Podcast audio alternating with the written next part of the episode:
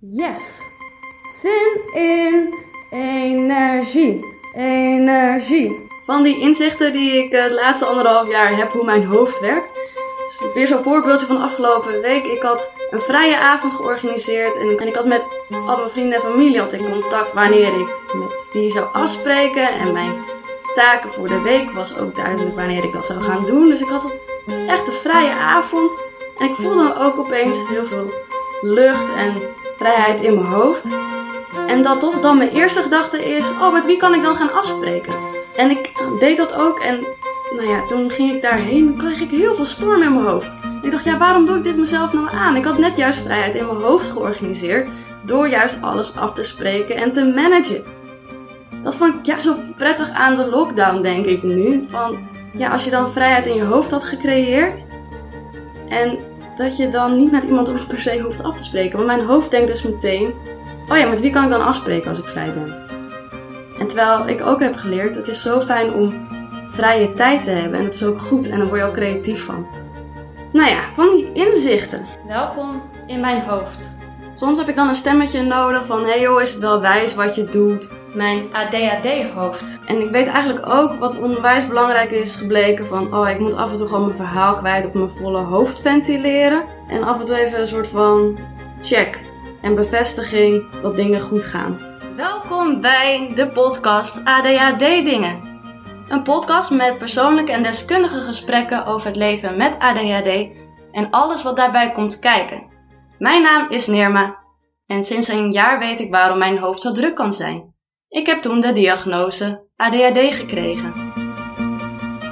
Welkom bij een nieuwe aflevering van ADHD Dingen. Deze keer gaat het over werken. Ik weet niet wanneer je deze aflevering luistert, maar ik heb zojuist vakantie gehad en ik moet weer aan het werk. En regelmatig krijg ik vragen van luisteraars over dit thema. Bijvoorbeeld, moet ik het überhaupt wel vertellen aan mijn werkgever dat ik ADHD heb? En hoe ga ik om met alle prikkels op de werkvloer? En zelf heb ik ook een aantal doelen waar ik aan wil werken de aankomende tijd. Het is namelijk zo, ik eh, begeleid heel veel studenten en daarvoor moet ik regelmatig, bijna wekelijks contact met hen hebben, telefonisch of via de WhatsApp. En ik zou heel graag dit gestructureerd willen hebben. Maar aan de andere kant voel ik daar heel veel weerstand bij. Namelijk, moet ik een enorm overzicht gaan maken met wie wanneer ik uh, moet gaan contacten. En dan, ja, dan plan ik dat allemaal in. En ga ik dat dan ook doen? Want ik en structuur, dan wordt het allemaal zo geforceerd. Wordt het een ding? Ga ik het juist uitstellen als het een ding wordt? Ja. Dus met deze dilemma's en met de vraag van luisteraars ga ik in gesprek met Hans van der Velde. Toen bij de rechtbanktijd ook nog, heb ik een dagvaarding in behoorlijk Nederlands vertaald. Snap je? Dus dat deed ik weer wel. Hè? Het was niet zo. Het is dus niet ADHD of dyslexie. Oh, dan ben je stom en je kan niks. Integendeel, ook op dat gebied van tekst of van systemen of van structuur. Hans van der Velde vertelt over zijn carrière bij de rechtbank, zijn eigen bedrijf Equisto, de burn-out die hij heeft gehad en zijn diagnose ADHD en dyslexie. En weet wel, met ADHD zul je meer dan een ander misschien wel elke dag een half uurtje moeten besteden om je overzicht te creëren. En dat heet een things to do lijstje, of wat voor naam je eraan wil geven. Want een van de stressfactoren in ADHD is dat je het overzicht kwijtraakt. En als je controle verliest, vraag maar aan elke bedrijfsarts de reden voor burn-out. En natuurlijk gaan we het hebben over waar mensen met ADHD tegenaan lopen tijdens het werken en hoe ze hiermee het beste mee kunnen omgaan. Wat je moet weten bij ADHD, je in een ruimte bevinden waar andere mensen allemaal aan het praten zijn, is een belasting. Als je hem aan kan, no problem. Want de andere kant van ADD is vaak heel sociaal. En het is leuk en je hoort weer van die en je hoort van die. Maar al die geluiden, puur het geluid van al dat gepraat van iedereen, wordt ook wel partydoofheid genoemd, uh, is belastend voor je systeem. Want je moet filteren. Dat je het interview terugluistert en je ziet natuurlijk hoe lang uh, het gesprek heeft geduurd. Dat er toch een stemmetje in mijn achterhoofd is van, oh, dit is eigenlijk te lang. En is dit wel fijn voor de luisteraar? Maar het is zo interessant en ik wil en ik kan het eigenlijk niet knippen. Zodoende dat deze aflevering wat langer is dan normaal gesproken. Maar dat is dan weer het fijne aan een podcast. Je kan hem altijd pauzeren en later verder luisteren. Of je kan natuurlijk heel erg tijdens hyperfocus deze aflevering luisteren. Hoe dan ook, ik wil je natuurlijk heel veel luisterplezier toewensen. En mocht je deze podcast nou leuk vinden, vergeet dan niet op de volgen knop te drukken bij Spotify of laat een review achter bij Apple Podcast. Je kan deze natuurlijk ook altijd delen met je werkgever, collega's, maar ook natuurlijk met vrienden en familie. Dankjewel in ieder geval alvast voor het luisteren en heel veel luisterplezier.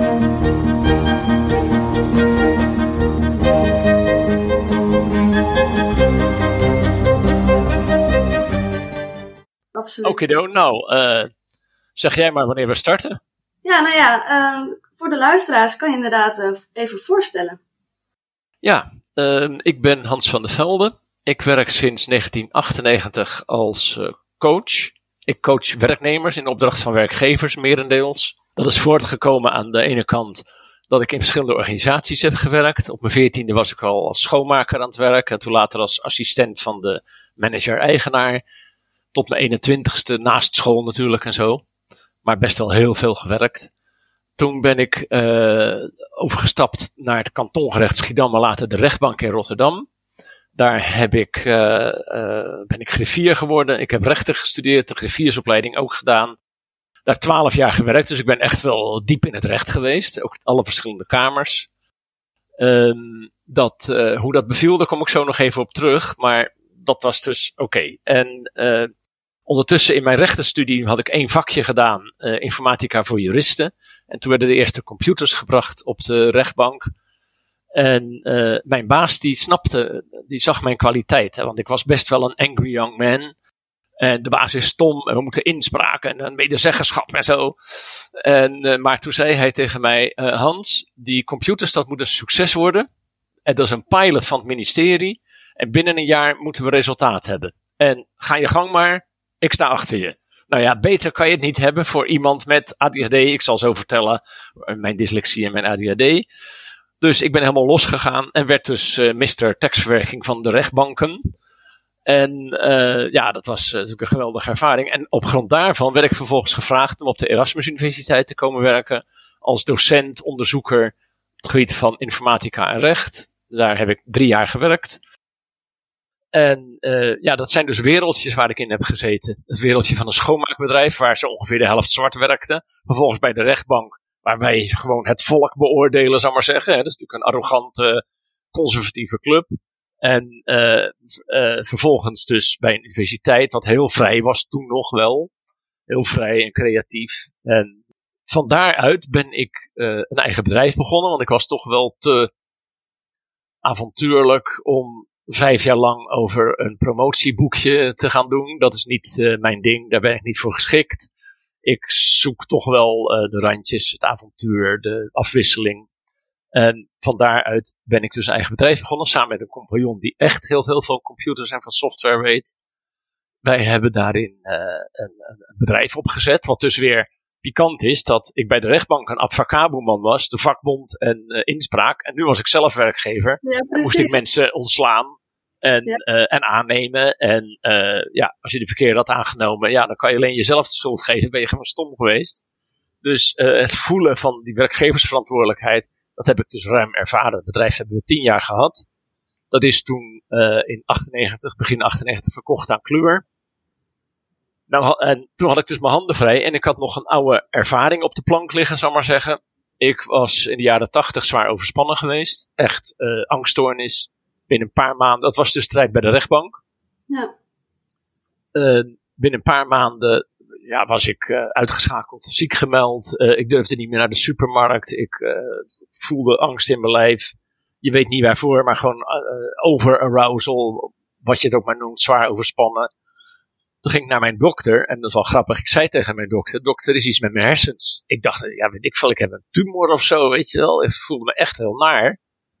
En toen glimlachte hij zo: van nou, dat komt wel goed, ik heb een therapie voor jou. En hij heeft eerst zelf therapie met mij gedaan. Toen hadden huisartsen daar nog de tijd voor. En toen heeft hij me verwezen naar gestalttherapie. Okay. Dat heeft mij geholpen. Gestalttherapie is een van de pakken bij twintig vormen van therapie die uh, mogelijk zijn. En uh, nou, dat heeft mij toen geholpen. Weer terug naar de rechtbank, de toga weer aan, door de angsten heen, weer opgeklommen, eruit gekropen. En, uh, maar ik ben wel ja, in therapie lang gebleven, want dat, ging een deurtje voor mij open. En ik dacht, hé, hey, hier kan ik ontwikkelen. En, uh, allerlei ja, onzekerheden over jezelf, uh, relationele problemen, de hele mikmak heb ik aangepakt. Ja. Ik ben echt tig therapieën ondergaan, maar ook meer cursorisch in trainingen en cursussen. En uiteindelijk heb ik een driejarige opleiding tot uh, gestaltherapeut gedaan. Oké. En, uh, en aanverwante therapeutische technieken en, en groepsprocessen en zo. Dus dat lag als het ware klaar toen dat bedrijf verkocht was. En toen ja. was het woord coaching in opkomst in 98. Dat, uh, in het begin moest ik wel altijd uitleggen wat coaching is. Nou ja, toen had ik ook nog uh, een beetje geluk in mijn netwerk. Want iemand uit mijn netwerk die uh, werkte bij een, inmiddels bij een arbodienst. En die zei: Hans, ik heb een probleem in Rotterdam bij de arbodienst uh, filiaal. Kan jij daar een paar mensen helpen? Want die zijn in de knoei gekomen, et cetera. Nou, dus ik had ineens, ik was nog, mijn visitekaartje was nog warm van de pers. En ik had gelijk zes klanten. Dat is echt ja. waanzinnig. Nou, ja, zo start gun je iedereen natuurlijk. En, dus, en bij de arbodienst. Ja, dus ja, dat was helemaal uh, mijn ding. Ja. Want dat was wel steeds mijn plan om dus werkgevers eigenlijk te ondersteunen. Want als je zieke of niet functionerende of geëditeerde of zenuwachtige werknemers bent, dat is slecht voor de productie, slecht voor het bedrijf. Ja. En voor die mensen is dat hartstikke naar. Dus hoe kan je een werkgever helpen? Door daar een dienst voor aan te bieden. En dat coaching. Want ja, om nou tegen een werkgever te gaan zeggen: ik bied therapie aan. Bleh, weet je wel, dat, is, uh, dat, dat, dat verkoopt niet lekker. Nee. coaching, uh, ja, oh, oh dat vind ik wel goed, weet je wel? Ja. Dus zo ben ik gestart. Ja. Nou, uh, inmiddels had ik uh, in de jaren negentig ontdekt dat ik dyslexie heb. via een officiële test. En later getest op ADHD. Daar gebruik ik nu inmiddels ook medicatie voor. En dat betekent dat ik, ja, ik was daar wel bewust mee bezig met die dyslexie en ADHD. Dus in 2001 ben ik nam ik contact op met Vereniging Noordblind. Die zat toen in een soort crisis. Echt iedereen had met iedereen ruzie. Het bestuur en de financiële dingen werden afgekeurd. En er stond een deurwaarder op de stoep. Echt een grote zooi. En oh, daar hou ik wel van. Even crisismanagement doen. Dus samen met, uh, uh, met een paar anderen zijn we dat gaan aanpakken. En Woordblind weer op poten gezet. Die is later gefuseerd met Impuls. Dus nu heet het Impuls en Woordblind. Ja. Uh, ik ben zes jaar voorzitter van Woordblind geweest, toen in het bestuur van Impuls en Woordblind. En nu zit ik, uh, ben ik voorzitter van de wetenschapscommissie van Impuls en Woordblind. En dat betekent dat ik natuurlijk vanaf 2001 met die hersenwereld werd gebombardeerd. En in mijn bedrijfje, wat inmiddels meer een netwerk is, werkt ook een psychiater die ook heel erg biologisch werkt en met het brein bezig is. Dus dat heeft mij ook beïnvloed, daar heb ik gewoon heel veel van geleerd. Ja. En dat betekent dat dus step by step steeds meer. We zijn niet gespecialiseerd. Equisto is een uh, coachingbedrijf, een generiek coachingbedrijf. Dus kunnen, uh, werknemers kunnen met alle problemen terecht. Maar de bedrijfsartsen die naar ons verwijzen, die hebben wel uh, het idee van, oh, als er iets is met het brein of zo, of in de aanleg, oh, dan moeten we eens even bij Equisto informeren. Dus, oh, nou, lang verhaal. Maar ja, dat, zo, is, zo is het ook ontstaan. Dus ja. uh, vanuit die twee lijnen, inclusief mijn eigen aanleg, uh, is daar dus uh, mijn werk als coach uit ontstaan. Nu inmiddels 23 jaar dus. Kijk, dat is ook wel een hele mooie tijd. En daarom spreken wij vandaag over het thema ADHD en werk. En voordat ik daar allemaal vragen over ga stellen, ben ik toch wel heel erg benieuwd hoe... Um, want je komt inderdaad uit echt de rechtbank en de griffierswereld. En nou ja, dat je als ik kan me zo voorstellen, of dat is misschien aannames, maar hoe heb je dat als ADHD'er en met iemand met dyslexie dat gedaan? Dat, ik vind het zo waanzinnig bijna. Ja, nou ja, kijk, uh, ja, goh, als ik zo even, zal maar zeggen, mijn elevator pitch vertel, hè, dan ja. vertel je natuurlijk het, het, het, mooie verhaal. Maar ik moet ook wel toegeven, het is ook, ook studie is echt een worsteling voor mij geweest. Ja. Uh, ik, had, ik was ooit na school in die, in die schoonmaakbedrijfstijd met sociologie begonnen. Nou, daar was ik totaal lost. Ik kon geen aansluiting vinden. Al die dikke boeken. Dat, dat, op bladzijde 2 viel ik al in slaap, zal maar zeggen. Dus dat is sowieso al een zeper geworden. Uh, en bij de rechtbank, ja, uh, één lange worsteling. en ook voor de omgeving best lastig te vatten, want ik ben ver boven gemiddeld intelligent. Dus als ze dan contact met je hebben, dan goh, die is slim en goede ideeën en zo. Maar als het dan erop aankwam om de vonnissen, want je, als griffier maak je dan de vonnissen en de processen verbaal, om die in te leveren, altijd te laat.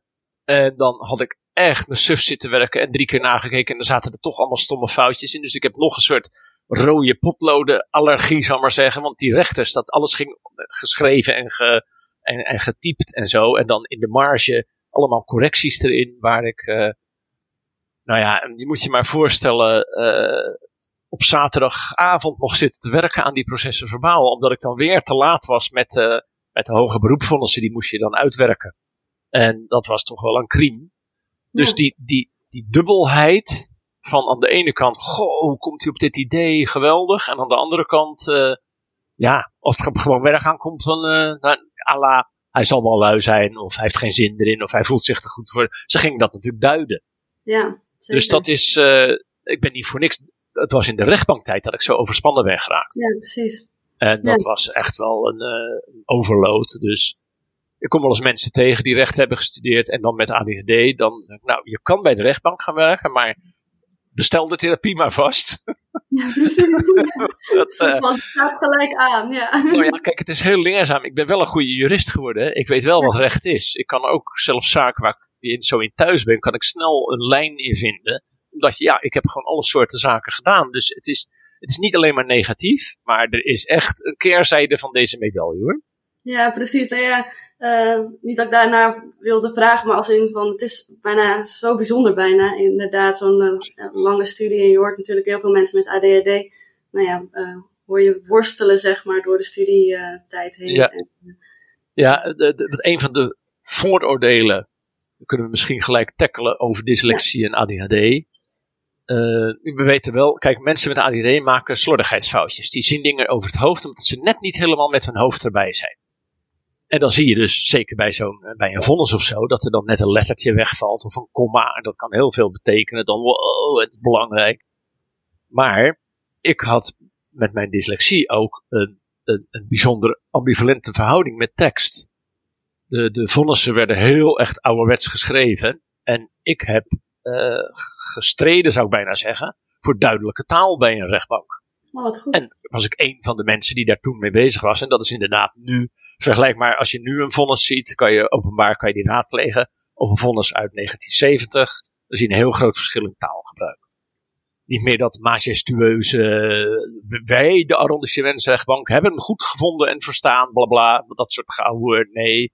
Nou, uh, ik heb zelfs, toen bij de rechtbanktijd ook nog, heb ik een dagvaarding in behoorlijk Nederlands vertaald. Snap je? Dus dat deed ik weer wel. Hè? Het was niet zo je, het is dus niet ADHD of dyslexie, oh dan ben je stom en je kan niks. Integendeel, ook op dat gebied van tekst of van systemen of van structuur. Uh, als, je, als dus tekst, dan is het dyslexie. Die kunnen wel degelijk, kunnen ook schrijvers zijn. Ja. Hele creatieve fantasieschrijvers. Kinderboekenschrijver, naam ben ik even kwijt, maar is ook heel beroemd met zijn dyslexie. En ADHD, dan zeg je, nou die zijn niet zo goed in structuur en zo. Maar ze kunnen wel een systeem heel goed opzetten en beoordelen. Ze halen zo de foutjes eruit. Dus snap je, alleen zichzelf aan het systeem houden is soms een beetje lastig. Ja, nee, heel erg. dus dat is heel dubbel. ja, ja, ik ben studiecoach als beroep nu. En uh, bij anderen zie ik dus heel goed waar de foutjes liggen in een verslag. Of uh, dan kan ik heel goed uitleggen hoe je een verslag moet maken en dat soort dingen. Maar als ik mijn eigen verslag moet maken, dan uh, staat het vol met spelfouten. En uh, ja, ja, precies. heel lastig om het structuurtje aan te houden. Ja. ja. maar goed, terug over werk. Um, want je hebt inderdaad je eigen bedrijf al meer dan twintig jaar over dit thema. En wat zijn dan de meeste casussen um, waar mensen met, bij jullie naartoe komen, gericht op ADHD? Ja, er zijn twee soorten verwijzers die, die Equist ook kennen. Dat, het meeste zijn bedrijfsartsen. En daarnaast HR-adviseurs uh, uh, van bedrijven. En zo'n zo bedrijfsarts die, die, die spreekt een werknemer. Die, meestal zijn ze dan tegen ziek aan of ziek gemeld. Of HR die heeft iemand met een conflict of er functioneert iets niet helemaal lekker. Ja, de inhoud is wel goed, maar de productie is heel laag. Of Uh, het is allemaal goed, maar de communicatie is vreselijk. En ruzies en weet ik het allemaal. Emotionele uitbarstingen. Dat soort signalen kunnen er zijn. Tot en met regelrechte burn-out. Uh, ook wel fysieke problemen die er zijn, waar weer natuurlijk mentale gevolgen aan vastzitten. Als je kanker hebt gehad of een hersenaandoening en je moet weer herstellen, dat is natuurlijk ook een mentale uitdaging. Dus in die zin krijgen we ze heel breed. Dan wordt er verwezen door de bedrijfsarts. En uh, die geeft meestal wel een boodschap mee. Zeker als nou, ik wist is van ja, ik zat ook te denken aan dyslexie of zo. Meestal als ze zeggen of zo, dan bedoelen ze autisme, want dat vinden ze dan vervelend om te zeggen. dan zeg ik, oh, nou, we kijken naar alle breinzaken hoor, geen zorgen. Ja. dus zo worden ze naar ons verwezen. En uh, dan uh, doen we een, een, intake uitgebreid. Eerst met de werknemer, dan met de werkgever en de leiding, werknemer en de leidinggevende. En soms uiteraard krijgen we ook informatie van de bedrijfsarts. En dan doen we een voorstel en dan worden mensen gecoacht. Meestal hebben we dan al een idee van dit is inderdaad een echte burn-out, zodat we burn-out aanpak uh, moeten voorstellen. Uh, over slaapproblemen die er zijn. Uh, nou, en dan hebben we al een idee van, oh, dit zou wel eens ADHD of dyslexie kunnen zijn. Dan gaan we dat ook onderzoeken. en dat is een beetje het soort zaken wat we krijgen. Ja. En waar lopen dan, uh, als je het een beetje kan generaliseren, waar lopen dan de meeste mensen met ADHD tegenaan? Ja, de mensen met ADHD lopen uh, het vaakste aan. De grote issues zijn structuur, afspraken nakomen, agenda hantering en niet dat ze niet weten hoe ze een agenda moeten invullen, want zo moet je dat niet zien, maar uh, je agenda niet te vol plannen of elke keer afspraken verzetten. Uh, nou, en als dat qua, vaak qua inhoud is, dat is niet het probleem, de inhoud van het werk. Uh, het is dan de communicatie erover.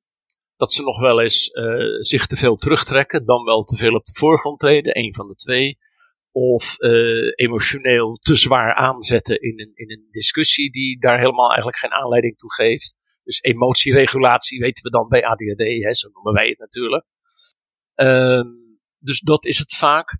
En steeds meer uh, zien werkgevers, die, ja, die lezen ook de krant, die horen ook van alles, die hebben ook familie.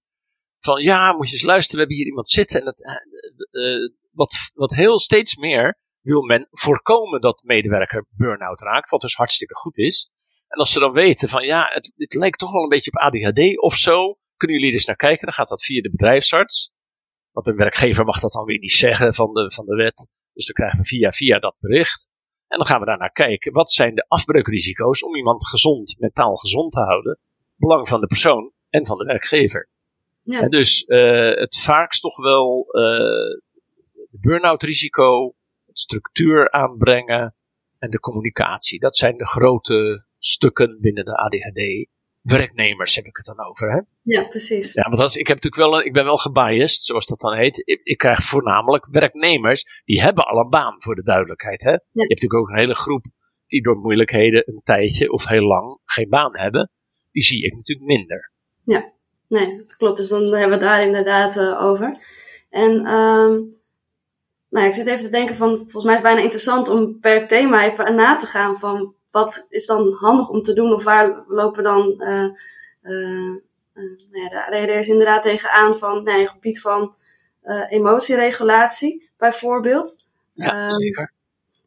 Wat zijn dan de dingen, heb je een voorbeeld hiervan en hoe zouden mensen als de luisteraar zich herkennen van oh ja, mijn emotie, emotieregulatie op werk gaat eigenlijk niet zo goed. Wat zou je aan hen kunnen meegeven? Nou, uh, als je, kijk, punt 1, als je niet weet of je ADHD hebt, dan, ja, dan moet je kijken of er een serieuze verdenking is. Ook dat uh, kan je gewoon via de huisarts of zo, kun je dat eens laten uitzoeken. Hè? Want uh, dat kan. Weet je het wel, dan is sowieso is het van belang dat je begrijpt hoe jouw ADHD werkt.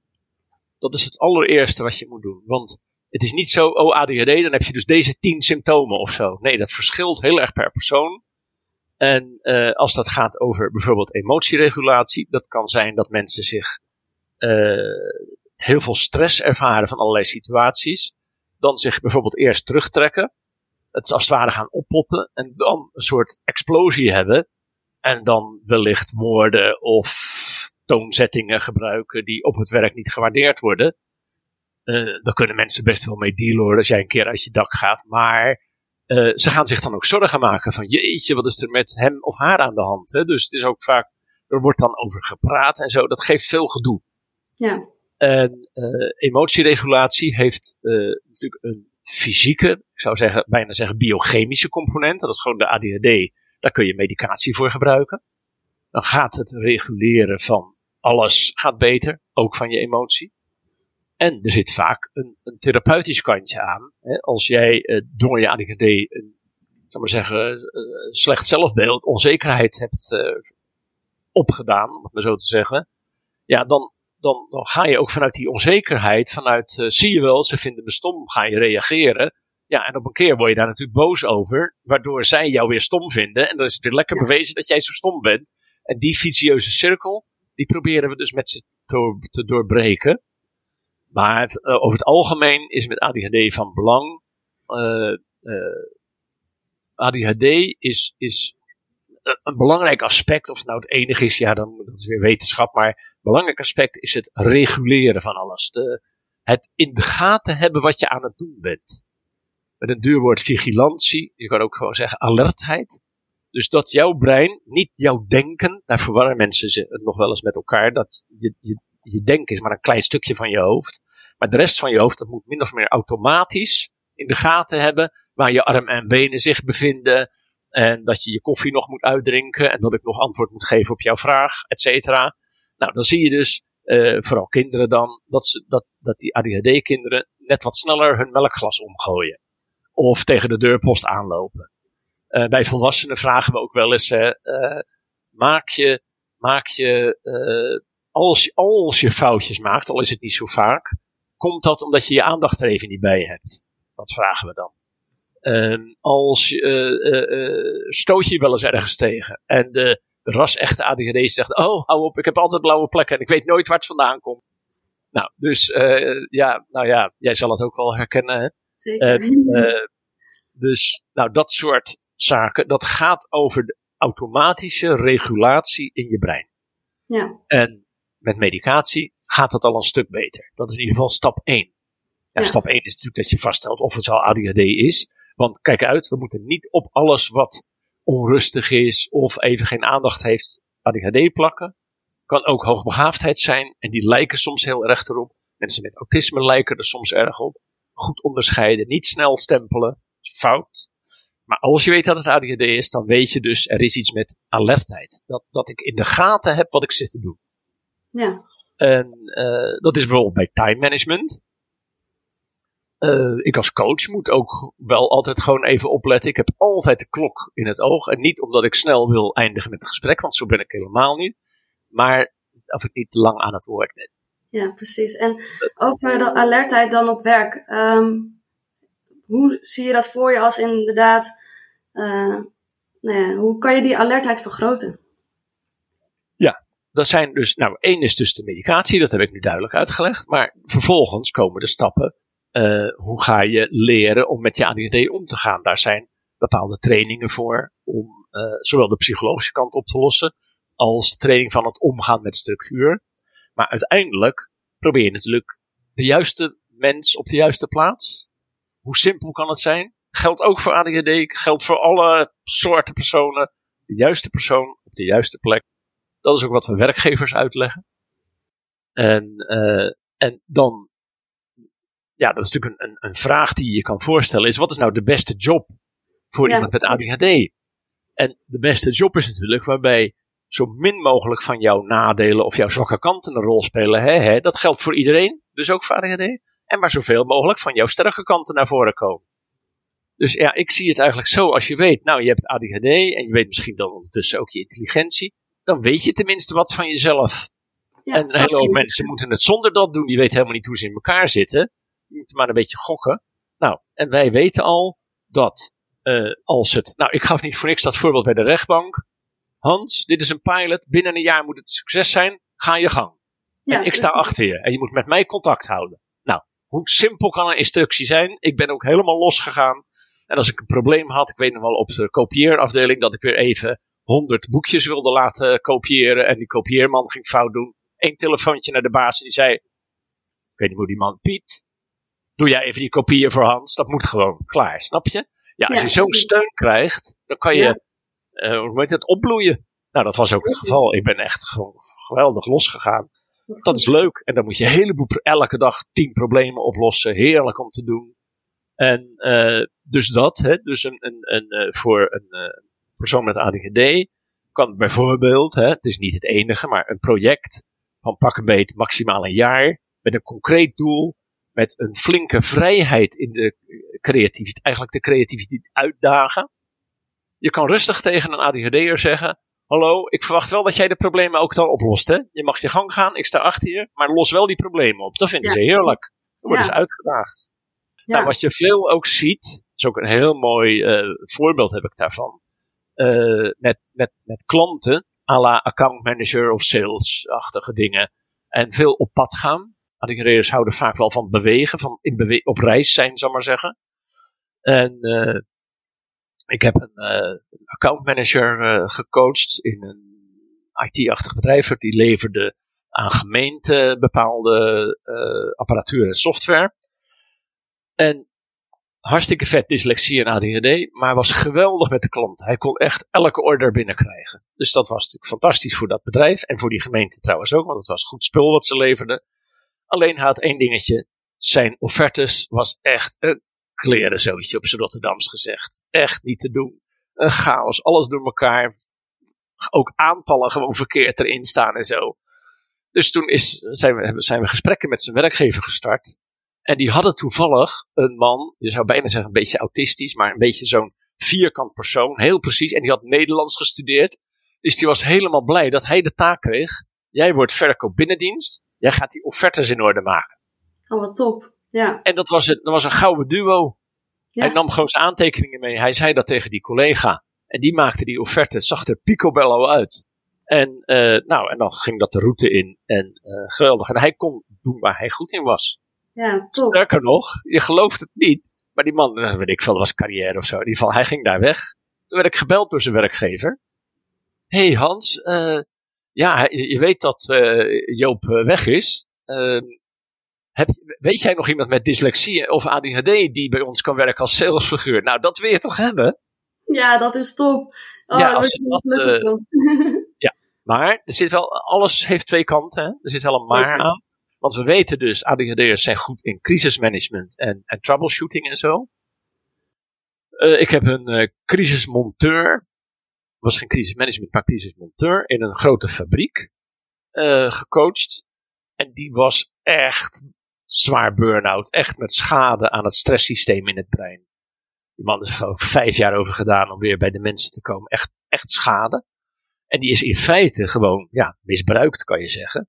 Ehm, het kwam erop neer, een grote fabriek. En als er wat was, dan moest je hem bellen. Bel, eh, hoe heet hij? Weet- Maakt niet uit, Johan. En eh, Johan lost het wel op. En hij was daar steengoed in. Hij kende echt die machines natuurlijk ook, daar had hij ook een gave voor. En wist heel snel dan te improviseren en hup, de boel draait weer. Nou, en dan gingen ze hem op een gegeven moment ook s'avonds maar bellen. Want het was wel een vol continu bedrijf. Op een gegeven moment gingen ze hem s'nachts bellen. Ja, En dat jarenlang. En Ja. als enige voor die hele fabriek. top. Dus ja. dat betekent, die man kwam niet meer aan een goede nachtrust toe. Wat bij. ADHD'ers nogal lastig is, die nachtrust. Het is een heel precair bioritme. Dus die is, eh, die is gaan leveren, leveren, leveren. En ja, hij vond het werk geweldig. Hij was er ontzettend blij mee. Maar die is echt volkomen, zijn stresssysteem is gewoon defect geraakt. Die heeft trouwens Ja. ook een claim ingediend bij de werkgever. Want Dat, dat, was eh, echt, dat had de werkgever moeten voorzien. Zeker. Er waren wel eh, signalen vooraf. Dus het, er zit, het maat houden is Ja. nou niet een ADHD-ding. Dus daar moet je wel eh, extra Ja, hulp bij hebben. Ja, want ik zit daar ook inderdaad mee van, nou ja, terugkomend op je verhaal van, en dat heeft ook met grensaangeven te maken. Want als je inderdaad weet van jezelf, ik heb ADHD en ik weet eigenlijk stiekem ook wel wat ik nodig heb. ehm, hoe bespreek je dat met een werkgever die je waar het gesprek nog niet mee is begonnen over wat je eigenlijk nodig hebt. Ja, ja dat is uh, goed dat je dat vraagt, want dat is een lastig, precair en gevoelig onderwerp. Je hebt natuurlijk sowieso bij de sollicitatie dat je mensen voor het eerst ontmoet. Je krijgt natuurlijk vaak de vraag: moet ik bij de sollicitatie over mijn ADHD vertellen? Nou, uh, je kan als jurist natuurlijk ook nog een antwoord geven. Je, je moet bepaalde beperkingen kenbaar maken als je weet dat ze ernstig de uitvoering van je werk zullen belemmeren. Als je dat had kunnen weten. Dat is, uh, bij ADHD valt dat allemaal wel mee. Dus je hoeft niet de woorden ADHD te gebruiken. Maar ik adviseer mensen wel om op een positieve manier een evenwichtig beeld van zichzelf te geven. En bij een goede sollicitatie wordt er altijd gevraagd: vertel je sterke punt is en vertel je zwakke punt is. Als jij dan goed voorbereid bent en je kunt zeggen: Nou, sterk is dat ik uh, contactueel goed ben, uh, ik ben uh, goed in crisissituaties, ik ben creatief, et cetera, bla bla. Nou, het, het ADHD, de ADHD-pitch. Oh, nou, vertel ook eens wat punten dan. Nou, een, een, ik kan wel een structuur maken, maar me eraan houden is soms wel eens lastig, dus daar heb ik wel wat ondersteuning bij nodig. En mijn soort hoofd heeft het wel nodig dat ik wat vaker in de concentratieruimte ga zitten. Snap je? Dat soort woorden, dat oefen ik dan ook met mensen, hoe ze dat precies kunnen zeggen. Wat daarbij heel belangrijk is, want van mij, ja, ik noem gewoon overal ADHD en hoezo. En ik ken meerdere mensen die gewoon open zijn over hun ADHD en gewoon lekker werken ergens. Belangrijk is, is dat je ook gewerkt hebt aan je eigen slachtofferschap. Want als je dat pas ontdekt, dan vallen ook een heleboel kwartjes, dan komt er ook heel veel verdriet. En dan voel je je ook het slachtoffer van, verdorie, waarom overkomt mij dat? Logisch. Als je dat verwerkt hebt, want als je daar nog in zit, dan ga je, dat werkt niet lekker in de sollicitatie. Dan kan je beter eromheen praten, want het gaat niet goed. Werkt het, kan je daar gewoon open over zijn? Ben je er eigenlijk trots op wat je, wie je bent? Ja, dan, dat, dat heeft in de interactie natuurlijk bij een sollicitatie, en ook bij andere contacten, ook zijn werking. Nou, en werk je eenmaal ergens? Ja, als, ik ken het vooral natuurlijk vanuit de coaching. Uh, ik heb toevallig net, uh, vorige week had ik iemand uit België aan de lijn, uit Antwerpen. En die werkt als ZP'er trouwens, en niet als werknemer. Maar die had uh, bij wijze van spreken op maandag verteld dat hij ADHD heeft. En op woensdag uh, werd hij ontslagen. Dus die belde ja. onmiddellijk, is dit een discriminatiezaak? Kan ik dit aankaarten? Nou, vergeet het maar, die werknemers zijn echt niet zo achtig, werkgevers, om te gaan zeggen, we ontslaan je vanwege je ADHD. Dus hoe ga je dat bewijzen? Dat is heel lastig. He, uh, we hebben, er zijn wel zaken bij de Nederland, is dat de Commissie voor de Rechten van de Mens, zijn wel zaken over ADHD en dyslexie aangekaart van discriminatie, zowel scholen als werkgever. Maar heel vaak zul je, als je, dat kan je gewoon opzoeken op internet, zie je dat dat dan ja, niet bewijsbaar is dat de werkgever zich slecht gedragen heeft. Nee in zijn geval, uh, ja, dat was echt gewoon fout. Ze hebben het gewoon misbruikt als aanleiding. En er zal vast ook wel wat anders zijn geweest. Ze hadden ook geloof ik niet eens zoveel werk. Dus ja, en een ZP'er, die zet je gewoon aan de kant. Ja, dat is ZP-schap. Dus het komt voor. Ook uh, in mijn wereld kom ik wel uh, mensen tegen van, ja, het eerste wat ze dan zeggen is, ja, als die ADHD maar niet als smoes gaat gebruiken, dan weet ik al, oh, oké, die weet er nog niet zoveel van. Rustig blijven, gewoon uitleggen. En wijd niet aan opzet wat door onwetendheid kan worden verklaard. Dus gewoon even rustig uitleggen. Dat helpt vaak. Ja. Ik heb persoonlijk, ik heb niet echt onderzoek naar gedaan, maar ik werk voor werkgevers. En een heleboel zijn daar enorm positief in. En die komen ook zelf met, hé, hey, we hebben hier Trus en het lijkt wel of ADHD heeft, kun jij er eens naar kijken? Gewoon ja. als ondersteuning en helemaal niet om iemand te ontslaan. Ik werk voor, nou ik zal een paar bedrijven noemen, echt ook bekende namen. Axo Nobel, zit een bedrijfsarts, die stuurt mensen met autisme, met ADHD. Er wordt ook financiering dan gezocht van, want het kost natuurlijk je centen dan. Fox IT, een security bedrijf, veel IT uiteraard. Gemeente Rotterdam, andere gemeenten ook wel, ministeries. Uh, DZ, uh, DSW, zorgverzekeraar. Helemaal into, uh, heel goed voor zijn werknemers met allerlei aandoeningen. Een e-learning bedrijf, zelfs Arbo bedrijf. Ik werk ook voor Arbo diensten. Ja. En want daar werken tenslotte ook mensen, een bedrijfsarts en een, een, een nou ja, de, de, secretaresse van alles wat daar werkt. Uh, Diergaarde Blijdorp, de brandweer, IKEA, zijn allemaal bedrijven die. Dus kijk uit met je eigen vooroordelen. Als je een werkgever benadert vanuit een vooroordeel, dat is de vijand en ik moet uitkijken dat hij me niet ontslaat. Nou, dan heb je kans dat hij je gaat ontslaan, want dan wordt dus waar waar jij bang voor bent. Ja, dus eigenlijk is het bij de tip van ehm, als je het gesprek wilt aangaan met je werkgever over wat je eigenlijk nodig hebt, is het uh, ga vooral open hierin en geef dan vooral aan wat je nodig hebt en een soort van open dialoog van hoe kunnen we het samen oplossen. Ja, en natuurlijk niet naïef zijn. Als je het idee hebt van, oh, die is een beetje kort door de bocht en die weet hier niks van, wees dan voorzichtig. Kom dan niet gelijk met. Uh... En ja, het is toch ook je eigen toonzetting. Als je begint met, uh, ja, ik heb ADHD en ik heb uitgezocht dat ik recht heb op voorzieningen. Dan zet je bij die ander al het denken in recht aan. Je moet helemaal niet over rechten praten. Die, die zijn als, als backing natuurlijk heel goed. Tuurlijk, ik ben jurist, dat weet ik wel. Maar uiteindelijk wil je er gewoon samen uitkomen dat iedereen blij ervan wordt. Dat die werkgever denkt: Goh, wat fijn dat jij dat vertelt. En we gaan voor jou een oplossing zoeken. Dat wil je natuurlijk bereiken. Ja, dus het, je kan er veel zelf aan doen in je, in je houding. In je, in je, en als je dat zelf lastig vindt, neem dan een coach mee. Dat je zegt: Goh, ik wil eens een gesprekje met de coach erbij. Die kan jullie ook een beetje ondersteunen. Hoe je mij het beste, het beste uit mij kan halen. En dan ja. uh, komt de coach mee. In, in, dit geval ben ik dat dan soms, of een van mijn collega's doen hetzelfde uiteraard. Dus uh, ja, dat. Ja. Dus inderdaad, uh, oplet op de toon en naar kijken wat je samen kan oplossen, juist vanuit dat aspect dat iedereen blij wordt. Ja, en er zit ook nog inderdaad de eigen invloed. ik had een aantal vragen gekregen van luisteraars van, ja, hoe structureer ik dan mijn dag, aangezien dat mijn lastige uitdaging is? Hoe structureer ik mijn dag? ja, nou dat is inderdaad, als, als dat je probleem is, want sommigen hebben daar dan weer geen probleem mee. Hè, maar als dat het structureren van je dag een punt is, dan zijn er een aantal, aantal issues die je met een coach goed kan trainen. Of gewoon met een goede kennis of een mentor. Of iemand op het werk. Als je op het werk een buddy vraagt die je daar een beetje in helpt. Dan heb je het, het aspect van uh, overal klasjes hebben liggen van die geeltjes, van die plakkertjes. Dat is niet zo handig. Uh, als je zover kunt komen om één lijstje things to do te maken. Dat is uh, een van de eerste. Sommigen hebben dat al. Oké, nou, als dat loopt, fijn. Kun je nog kijken hoe ga je daarmee om. Dat is het. Uh, dus uh, één lijstje waar al je things to do op staan. En weet wel, met ADHD zul je meer dan een ander, misschien wel elke dag, een half uurtje moeten besteden om je overzicht te creëren. En dat heet een things to do lijstje, of wat voor naam je eraan wil geven.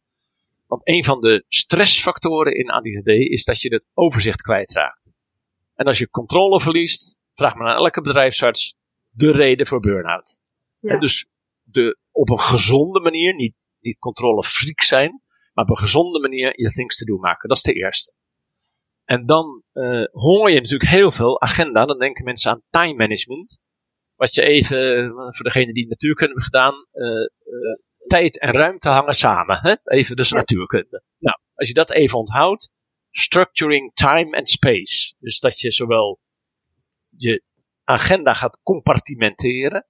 Dat betekent dat je bijvoorbeeld, ik had het nou over die things to do lijstje maken elke dag voordat je naar huis gaat, neem je nog even 20 minuten om alle kladjes op één ding te verzamelen. Eén lijstje van things te doen. Een klein beetje in prioriteitsvolgorde, maar met ADHD is dat toch lastig als het er maar op staat. Dan heb je al een structuur. Eind van de dag doe ik dat. Uh, bijvoorbeeld in de middag, dan neem ik een powernap. Oude mensen zeggen een dutje, maar jonge mensen die uh, doen een powernap. Ja. Uh, of je gaat even wandelen of even mediteren. Want rust nemen is voor ADHD heel belangrijk. En dat zijn dan je ankers in de dag. Elke dag als ik binnenkom, begin ik even met things to do erbij te pakken. Daarna ga ik mijn e-mail doen en dan heb ik mijn eerste afspraak. Dus het compartimenteren van je agenda is heel belangrijk. En bij al die dingen geldt, dus we hebben nu een soort ketting van gewoontes. Things to do. Structureren van tijd en ruimte. Uh, bij ruimte moet je trouwens ook denken aan je bureau. Weet bij ADHD, ik denk dat de meeste ADHD'ers het wel herkennen. Alles wat belangrijk is, moet in het zicht liggen. Trek je niet aan wat andere mensen daarvan vinden, maar als jij altijd dat ene stapeltje links op je bureau hebt en het andere stapeltje hier. En op je desktop, op je, op je laptop staat altijd dat, staat daar. Geef alles een vaste plek. Ja. Uh, vaak, met, met veel ADHD'ers die ik heb gezien, in een kast, achter een deur, is al eng. Je wilt het kunnen zien. Eventueel op een plank alles uitleggen in een bepaalde volgorde. En laat je niet uitschelden voor neurotisch. Nee, zo krijg jij zicht, letterlijk zicht met je ogen op uh, je werk. Ja. dus dan heb je die, die chain of habits, de ketting van gewoontes, things to do. Uh, structureren van je agenda qua tijd, maar ook structureren van je ruimte. Ja. Nou, dat zijn al een hele hoop dingen. En Zeker. zo uh, is in, in coaching, er is een hele lijst van mogelijkheden. Alleen je moet niet met elke ADHD die hele lijst gaan doornemen. Een heleboel dingen hebben ze zelf al uitgevonden. Je moet dus eigenlijk, eigenlijk die lijst door. Nou, welke heb je nog niet gedaan? Kijken we samen. Het is altijd heel erg op maat, hè? Ja, precies. Dus uh, dat, uh, dat is wel van belang. Maar dat, daarmee kun je heel goed je leven structureren. En het, je hebt gelijk een thermometer. Om het maar zo te zeggen. Als ergens bij dat structureren iets vastloopt. Ga dan niet zitten denken. Ik ben stom. Dat is gewoon een teken. Er is iets nog niet in orde. Het kan zijn in de manier waarop je het doet. Dan heb je meer een coach nodig. Het kan ook zijn, je hebt medicatie nodig. Ja, dan loopt is het vast. Ja. Het is een signaal, het is dan een symptoom. En vertaal het niet van, zie je wel, dat heb ik weer. Dan ga je weer in de slachtoffer. Nee, hé, hey, het lukt mij niet om alles op één papiertje te zetten. Wat zou dat zijn? Dat is gewoon, ja, ik zou bijna zeggen interessant. Het is natuurlijk vervelend, dat snap ik ook wel. Nee, tell me. Maar uh, dat is een teken dat bijvoorbeeld de medicatie niet goed ingesteld is. Of dat, je, dat het tijd is om een, een, coach te raadplegen en dus een paar gesprekken te hebben. Hè? Dat, dat bijvoorbeeld. Ja, ik zit ook nog, uh, wat ik ook een beetje heb, want ik heb juist als leerdoel voor volgend jaar om meer structuur uh, aan te bieden aan uh, mijn werkzaamheden. Um, inderdaad, meer proactief dan passief aan de slag te gaan. Um, maar ik voel ook ergens toch een soort van weerstand van, oh ja, shit, dan moet ik inderdaad een aantal leerlingen die ik bijvoorbeeld moet gaan contacten heel erg categoriseren. Maar ik voel ook meteen wel een soort van weerstand. Oh, structuur, dat betekent, niet, dat betekent eigenlijk dat ik geen vrijheid meer heb. Dat is de weerstand wat bij mij dan naar voren komt. Terwijl oh, ja, ja. ik ergens in mijn hart weet, dit is heel goed voor mij. Maar Ja. ook een soort van weerstand van, ja shit, een structuur betekent geen vrijheid. En of, ik me, of dat het een verplichting wordt, waardoor het een zware klus wordt, weet je zo. Ja. Dit, dit is precies wat je dus moet doen. Ja. Ik weet hoe ik het moet doen, maar ik voel een weerstand. Dus nou geef je het signaal af. En ook op de manier zoals jij het ervaart en voelt en erover denkt. En daar, daar kan iets mee. Een goede coach of een uh, uh, psychiater die daar tijd voor heeft of een andere begeleider, die kan daar iets mee. Nou, weerstand kan, uh, zo even uit mijn hoofd gezegd, ik ken jou natuurlijk nog niet zo goed, maar dat kan op verschillende dingen wijzen. Het kan ten eerste wijzen op je zelfbeeld. Want je hebt natuurlijk de ervaring dat structureren, dat gaat niet zo handig. En dan zegt iemand, nou je moet meer structureren. Ja, lekker. Dat zal toch wel niet lukken. Het gaat me toch niet lukken. Dus dat is Ja. sowieso een bepaalde weerstand. Dat is één. Dan uh, is het belangrijk om te weten dat mensen met ADHD, die hebben weinig innerlijke spraak in de zin van het begeleiden met spraak van je handelingen. Dus ik, uh, uh, ik geef ze daar ook oefeningen voor. En bijvoorbeeld, ik ga de afwasmachine leegruimen.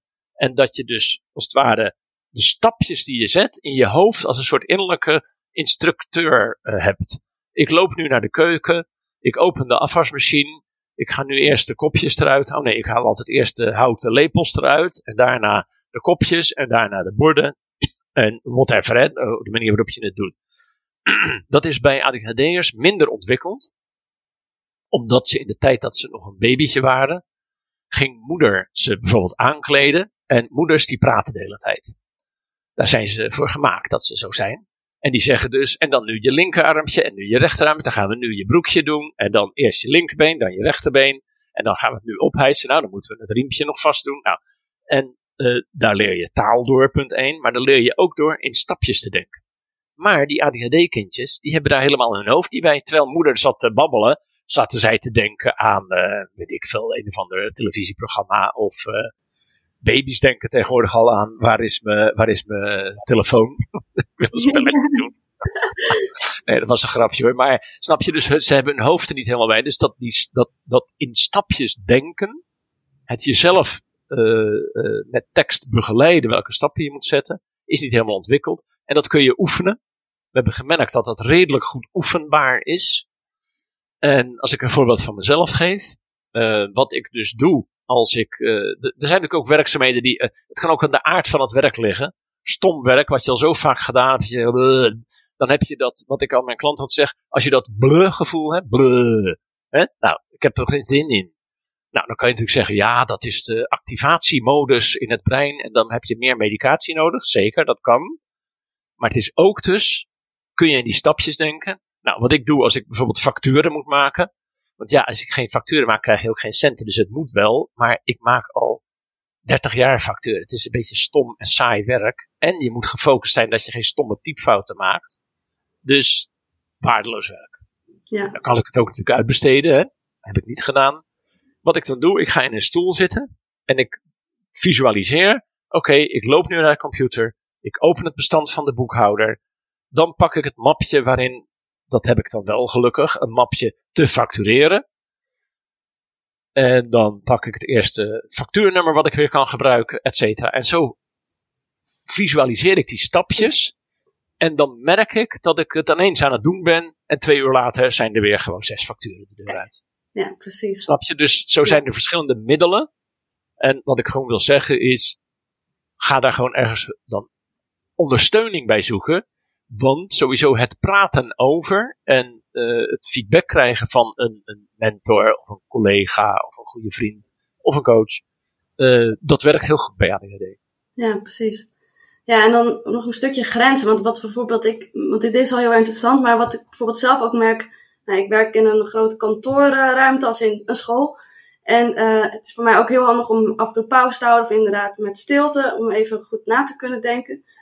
Maar ik vind het ook belangrijk om met collega's te zitten om toch het contact te houden.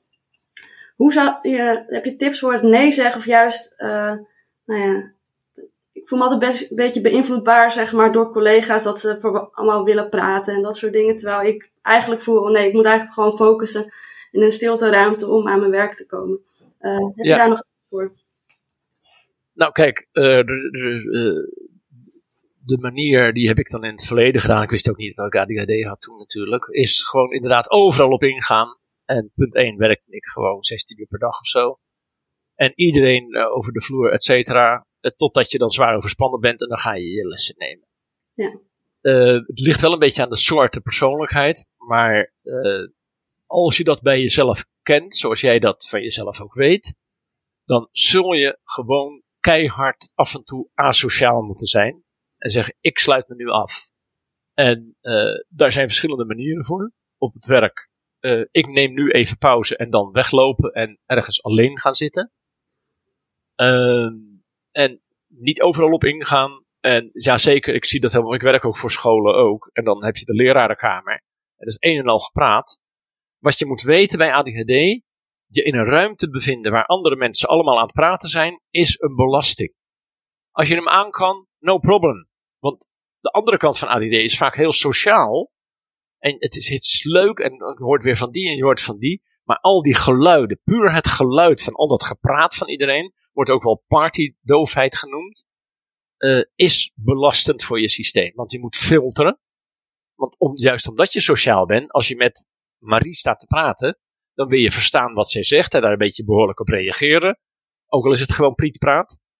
Maar ondertussen is het alsof ze met, met, met iets tegen je oren slaan qua geluid. En dan is die focus heel moeilijk. Dat kost dus energie. Het gaat wel, maar het kost je veel energie. Dus nou, wat ik bijvoorbeeld doe, is uh, ik plan het gewoon in. Of het nou recepties zijn of andere dingen met veel mensen.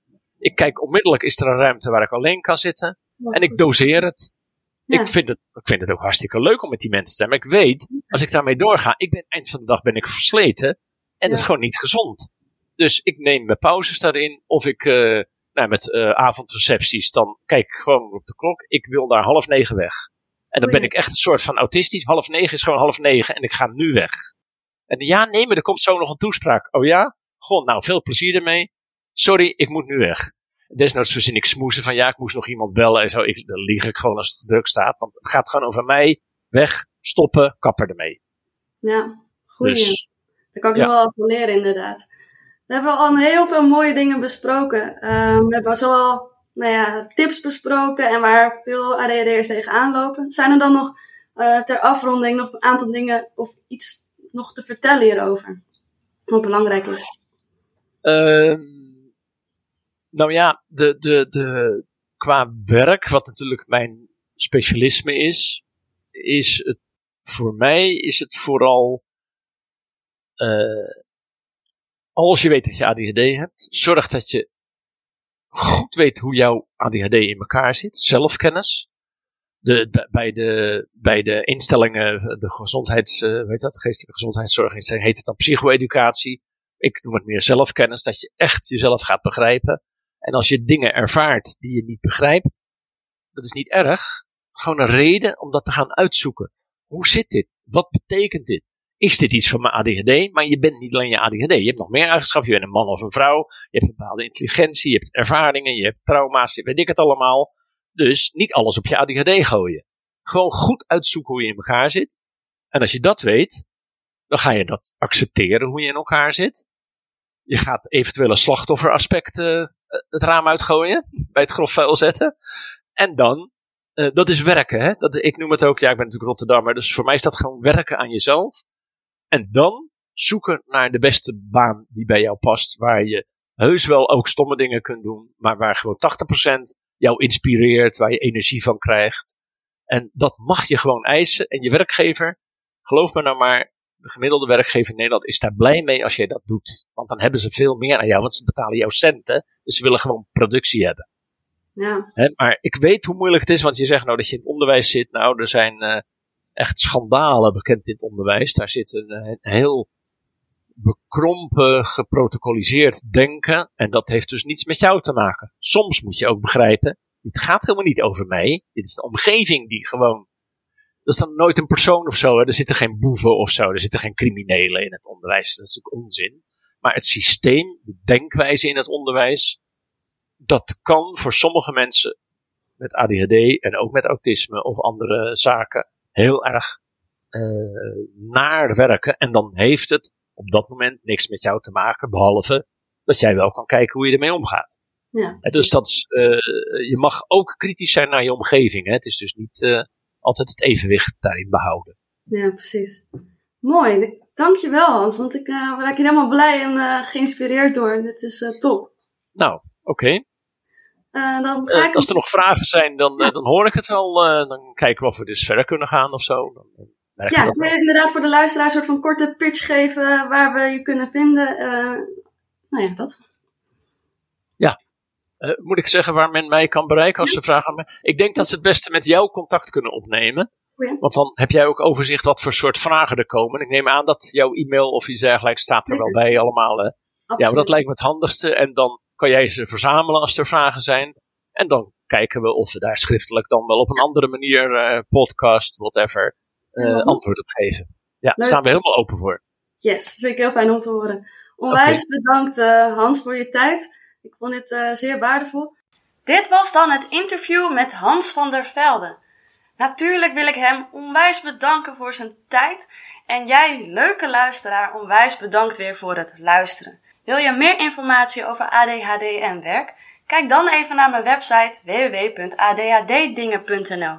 Ik ben ook te volgen via Instagram. En dan mag je natuurlijk altijd reviews achterlaten, laten weten wat je vindt. Of als je inderdaad meer vragen hebt over dit onderwerp of een ander onderwerp, laat het mij dan weten. Ik vind het super leuk om altijd berichtjes te krijgen. En dat was het dan. Het leuke is, aankomende tijd heb ik meer werkgerelateerde afleveringen die online komen. Wat is bijvoorbeeld succesvol ADHD zijn? En hoe kan je beter concentreren? En wat is concentratie nou eigenlijk? Hou dus deze podcast in de gaten. Druk op die volgknop. Volg me op Instagram. En nogmaals onwijs bedankt voor het luisteren. En ik spreek je snel weer.